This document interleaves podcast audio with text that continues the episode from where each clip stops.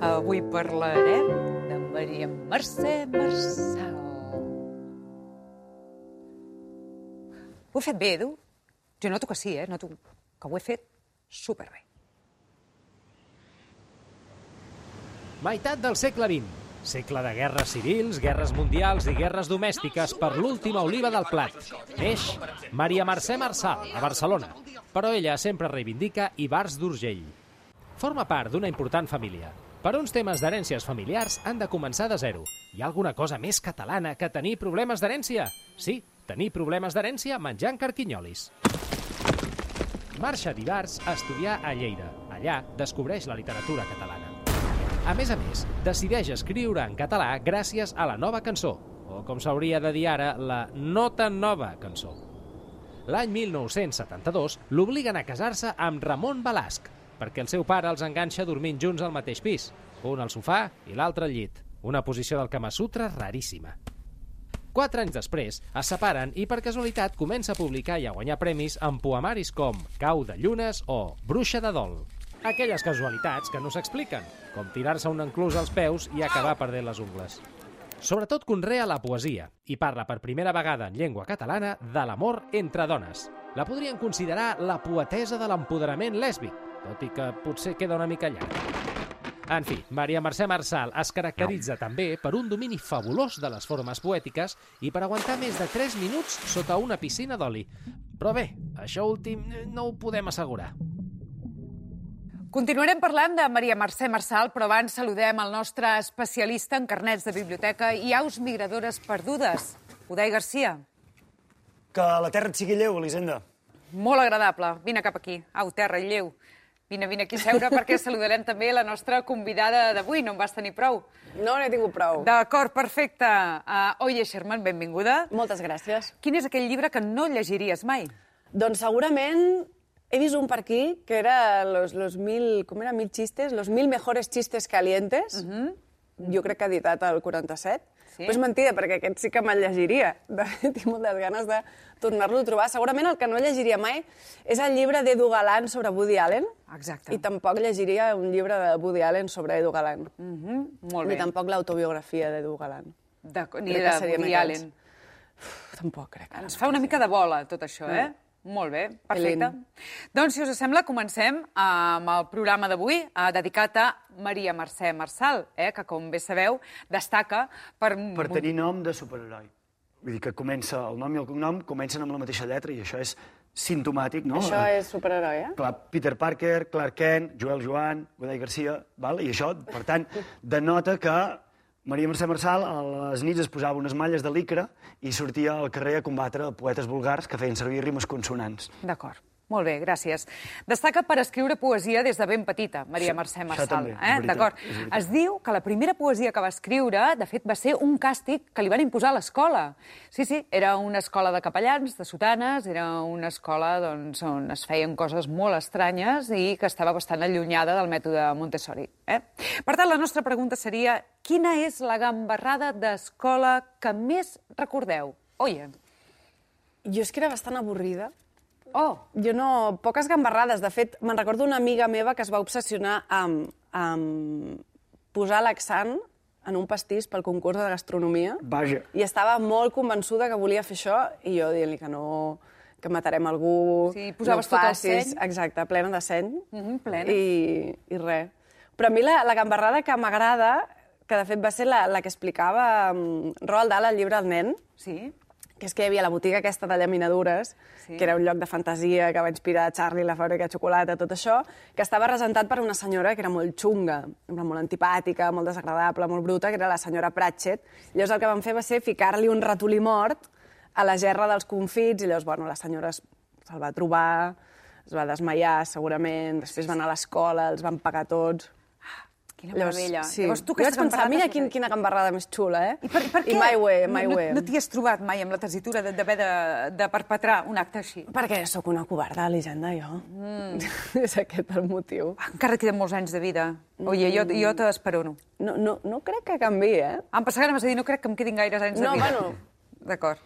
Però, però sí, no, no, crec que, que sóc del perfil covard. De perfil covard. Molt bé. No serà el cas d'en Godai? Espero. i desitjo. Quina és la gambarrada que recordes amb, amb més entusiasme? Uh, jo sóc molt covard. Passa que us explicaré que una gambarrada de quan no tenia el neocòrtex format, que era adolescent, i que llavors són els moments ah, Mm. doncs és d'impàs. tard. Exacte. Uh, I va haver-hi un moment, a l'època de l'institut, que vam decidir que um, divendres a la nit vam anar a l'institut i sabíem que la nostra aula tenia una finestra que donava a planta baixa al pati interior. Uh -huh. A peu pla podia sortir al pati. I prèviament havíem mal tancat la finestra i no ha baixat del tot la Tu i persiana. quants més? I jo i tres més, poder. Que Quadrilla. sí, uns pillastres. Doncs Anàvem pel- crim anàvem pel- organitzat. pels carrers. així. Exacte. i, i vam entrar dintre l'aula nostra, a la A i a la B, diguéssim, no? Vam entrar a la, les nostres aules i vam buidar-ne el contingut, vam treure de cada aula les 25 cadires, les 25 taules, la taula del mestre, la pissarra cap al pati interior.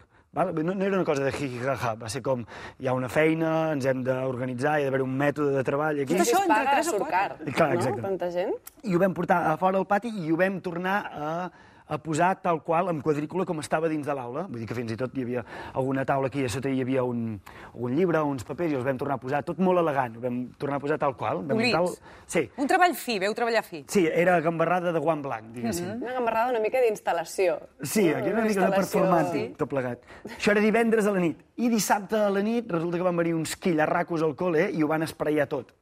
I se'n van endur les culpes. I, Ah. i ho celebro molt de... No vaig poder-me atribuir el mèrit, fins ara Ah. 20 anys després, eh, però, bueno, van acabar pagant, no justos per pecadors, però van pillar els quillos. Molt bé. Atents a la frase. A l'atzar agraeixo tres dons, haver nascut dona, de classe baixa i nació oprimida, i el tèrbol atzur de ser tres voltes rebel. Esteve, la frase? Per descomptat. I tant. Molt bé. Està molt bé tractar l'atzar com si fos el geni d'Aladin, que et, et pot concedir tres dons. Està bé. Correcte, doncs precisament la nostra pregunta gira al voltant d'aquest tema. Mm Mhm. -hmm. Quins són els tres dons que li demanaríeu a l'atzar? Oye, Um, haver participat a Si l'encerto l'endevino. Oh. Això era una cosa que volia. molt bé, i no vas poder I per no. edat? entenc? No, no. Eres menor d'edat i allò. jo estava allà, em en retallaré una etiqueta d'aquestes que demanen dels cereals i, i aniré. I no, i va, va acabar el programa, va ser com del, dels, prim, dels meus primers dols. Mm -hmm. Pots fer una crida, si vols, a la gent... Per favor, sí, que sí. es torni, no sé, que es torni a fer. A mi el que m'agradaria era que, que presentés Josep Maria Bax, però Ah. clar, això a nivell de producció ja costa una miqueta més. Pot ser el teu segon desig. Doncs sí. doncs sí, sí, sí, sí. Tenia al cap un, un forn, que quan Sí? sí? l'obres hi ha un pollastre allà, però, però escolta, si podem ressuscitar Josep Maria Bax i que torni a presentar el Si l'encerto l'endevino... M'agrada molt. Godai, Uh, aviam. El primer que demano és volar, però voleiar, com una perdiu, de, de fer... Volar. Per exemple, surto al balcó de casa i he de baixar fins al forn a comprar un croissant de pernil dos i formatge i fer... Ah, aquesta cosa, que vingui una mica a la panxa aquesta cosa i ja està. Que dolç. I planejar fins... tam- podries acabar dins un forn eh, desitjat per la Maria, també, eh? Vull dir, Això, perdius, Ah, perdius a l'ast, ostres, Perdius és a com l'ast. un upgrade, Perdius a no? l'ast, M'agrada. exacte, exacte, és allò de- Com més de ric. La- L'altra, doncs, és una, va una mica per aquesta banda també, de sempre que pensi en un àpat, sí. el, pugui aparèixer també fumejant a sobre de la taula. Ja sé que hem de mimar la cuina, que no se'ns enfadi mm. la Maria Nicolau i aquestes coses, eh? però jo arribar tard un dia a casa i pensar, fuà, galta de porc amb pinenques al forn, oh. pam, No sé ni Que- què és una pinenca. Sí, tu digue-li que sí. un fong A comestible. vegades s'inventa paraules que no tenen Sí, cap oi? mena de Ell, sentit. ell les va tirant. Ell les llença, llavors nosaltres les recollim i el L'altre bressolem. dia, Tascó, no? Sí, clar. I l'últim, ah, tenir la llibreta de Death Note. Sabeu aquesta llibreta que escrius el nom d'una persona i es mor. Has de posar noms i cognoms i es mor. Perquè crec que no seria gens dèspota, que ho faria servir Ho faries molt bé. de manera molt quirúrgica. Però això és tenir sicaris, no? Tu vols un sicari. Però allà, Un pots, sicari si molt- Mm. tens un sicari pots traquejar a veure qui hi ha darrere de tot. I la llibreta aquesta queda allà així. I crec que ho faries... Seria molt just matant gent. Jo. Ah. Ara ens podries donar un exemple d'algú a qui volguessis veure mort? M'agradaria més fer la segona temporada d'aquest programa. D'acord, perfecte. Des d'aquí també una salutació als senyors de TV3. Primer ja els hem donat dues feines, no? Fer si l'encerto l'endevino i arribar vius a final de temporada. Exacte. Fantàstic, fantàstic. Molta atenció, Maria Mercè Marçal era una jefa escrivint poemes, això ho sap tothom i és indiscutible. Cadascú té una relació particular amb la poesia, per això nosaltres us preguntem quin era el vostre millor verset de Nadal, oye. La veritat és que jo no en feia, perquè a casa meva no... Crec que no van entendre el tema de donar diners. O sigui, jo me'n recordo que un dia vaig arribar amb el verset del col·le Sí. i ho vaig dir, llavors vaig parar la mà i el meu avi me la va xocar, com... Quina no, fantasia. no caurà, no caurà Sou res. molt catalans, I també, a vaig casa dir, "Hòstia, vostra. Budai, I a mi m'agradava molt el verset de l'escola és tancada, hi ha llum al carrer, la senyora Pepa saluda el carter. Que té una carteta que té una postal que tingui bon dia que avui és Nadal. I Era molt maco perquè Sí, sí. feies mira. la cantarella, eh? ara Se la sap mateix... tothom. Però ara ja en perspectiva me n'adono que hi ha un carter en aquesta història que està treballant el dia de Nadal. I, ah, i que el carai. que estàs fent és romantitzar l'explotació laboral. Clar. A més a més, clar, estàs fent que un nen, una canalla, senti allà a sobre d'un tamboret i com... Ah, no pot sortir res dolent d'aquesta canalla, aquesta història ha de ser bonica, no? Hi ha com una persona allà que li està dient uh, estàs treballant un dia que no tocaria treballar, primer de tot, uh, tens cartes i llavors, bueno, va, tinguis un bon, mm. tinguis un bon Nadal. Hmm. Clar. Uh, llavors, estava bé recitar aquest vers, no... deixem-ho de fer. hi ha una versió encara més trista, que és no té una carteta, no té una postal, diu, li ha arribat una carta del seu fill Pasqual, que des de Suïssa diu Bon Nadal, i hi havia gent que deia aquesta senyora està barallada amb el seu fill, el seu fill no li escriu, i el carter s'inventa, perquè diu, com sap el carter el que li està dient al seu fill? Per tant, el, el carter li fa una mena de goodbye Lenin a la senyora Pepa. Oh, I li diu que, bueno, s'inventa com un vincle amb el seu fill que està totalment perdut. jo ho resumiria amb que bé està explotar la mainada, que bé està també enganyar a la gent gran. Clar. Fins aquí, moltes gràcies. Què ens portes, Godai? Protesto. Però com... Però Godai, Maria Mercè Marçal és, eh, podríem dir, la primera autora catalana que parla obertament de feminisme i eh, de dones que s'estimen entre elles i que tenen ganes de menjar-se els morros. Vale? El que passa és que durant molt temps hi va haver-hi part de la societat que intentava donar-li una altra explicació, de dir, no, no, no, no, no està parlant d'això, no? Els malabars que pot arribar a fer la societat conservadora i patriarcal per no acceptar el que és evident. Partint d'aquesta premissa, jo el que eh, us plantejaré seran situacions que tenen una explicació evident, però heu de trobar-hi una explicació alternativa. Val? I us aniré disparant ara una, ara l'altra. D'acord? bé. Eduard, em pot ser música com, com de Nova Orleans, però com de 16 de gener, 8 de la tarda, carreró sòrdid? Fum de claveguera? Fum de claveguera, exacte, i baralla de gats de fons. Ens hem entès. Maria, Sí, tens 16 anys i arribes al dinar de Nadal amb el jersei tacat de vòmit, pudor de tabac i unes ulleres de sol dignes de la Pantoja. D'on surts?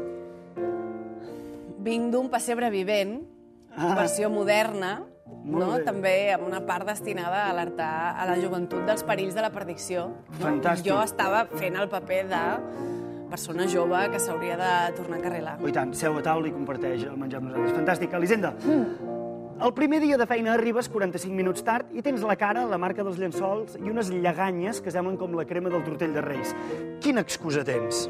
vinc de missa de vuit, evidentment. Evidentment, evidentment. Maria, Sí, el veí del quart primera cada dia rep unes 25 visites de persones més aviat nervioses i més aviat amb xandall, aquella gent. I sovint hi ha gent adormida en posicions inquietants al portal. Val. A què es dedica el veí? home, el veí té un... Fa sessions de teràpia aquesta, en Sí. grup, no? Més això, va- van amb xandall, perquè treballen molt el cos, no? Agafen... Total, es total. dirigeixen al seu pare, no? Però en realitat estan parlant amb, amb tamborets. Exacte. I també hi ha gent no, que veu molta aigua, no? Cadascú de la seva ampolleta, perquè realment fan, sí. fan això, fan molt d'esport i fan un treball molt holístic, en definitiva. És l'única explicació que hi puc veure. Merci. Absolutament. I per acabar, Elisenda, Sí. els bombers t'han de venir a rescatar perquè estàs emmanillada al llit, vestida de Lucifer, amb un tatuatge al pit on hi diu clavada et quedi. Què els hi expliques? Que ha vingut el capellà i m'ha donat l'extrema unció. I fins aquí, això que fan Godall.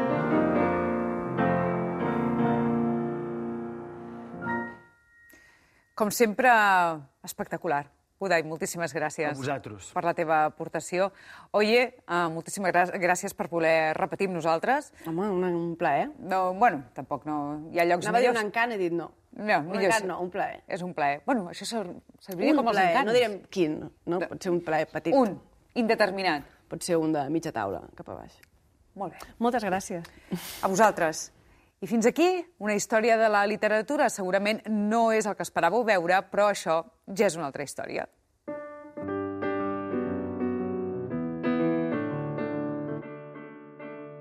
Brunisenda. Digue'm, Guifré. Mira què he llegit. Una dona sense un home és com un peix sense bicicleta. Tu què creus que volia dir?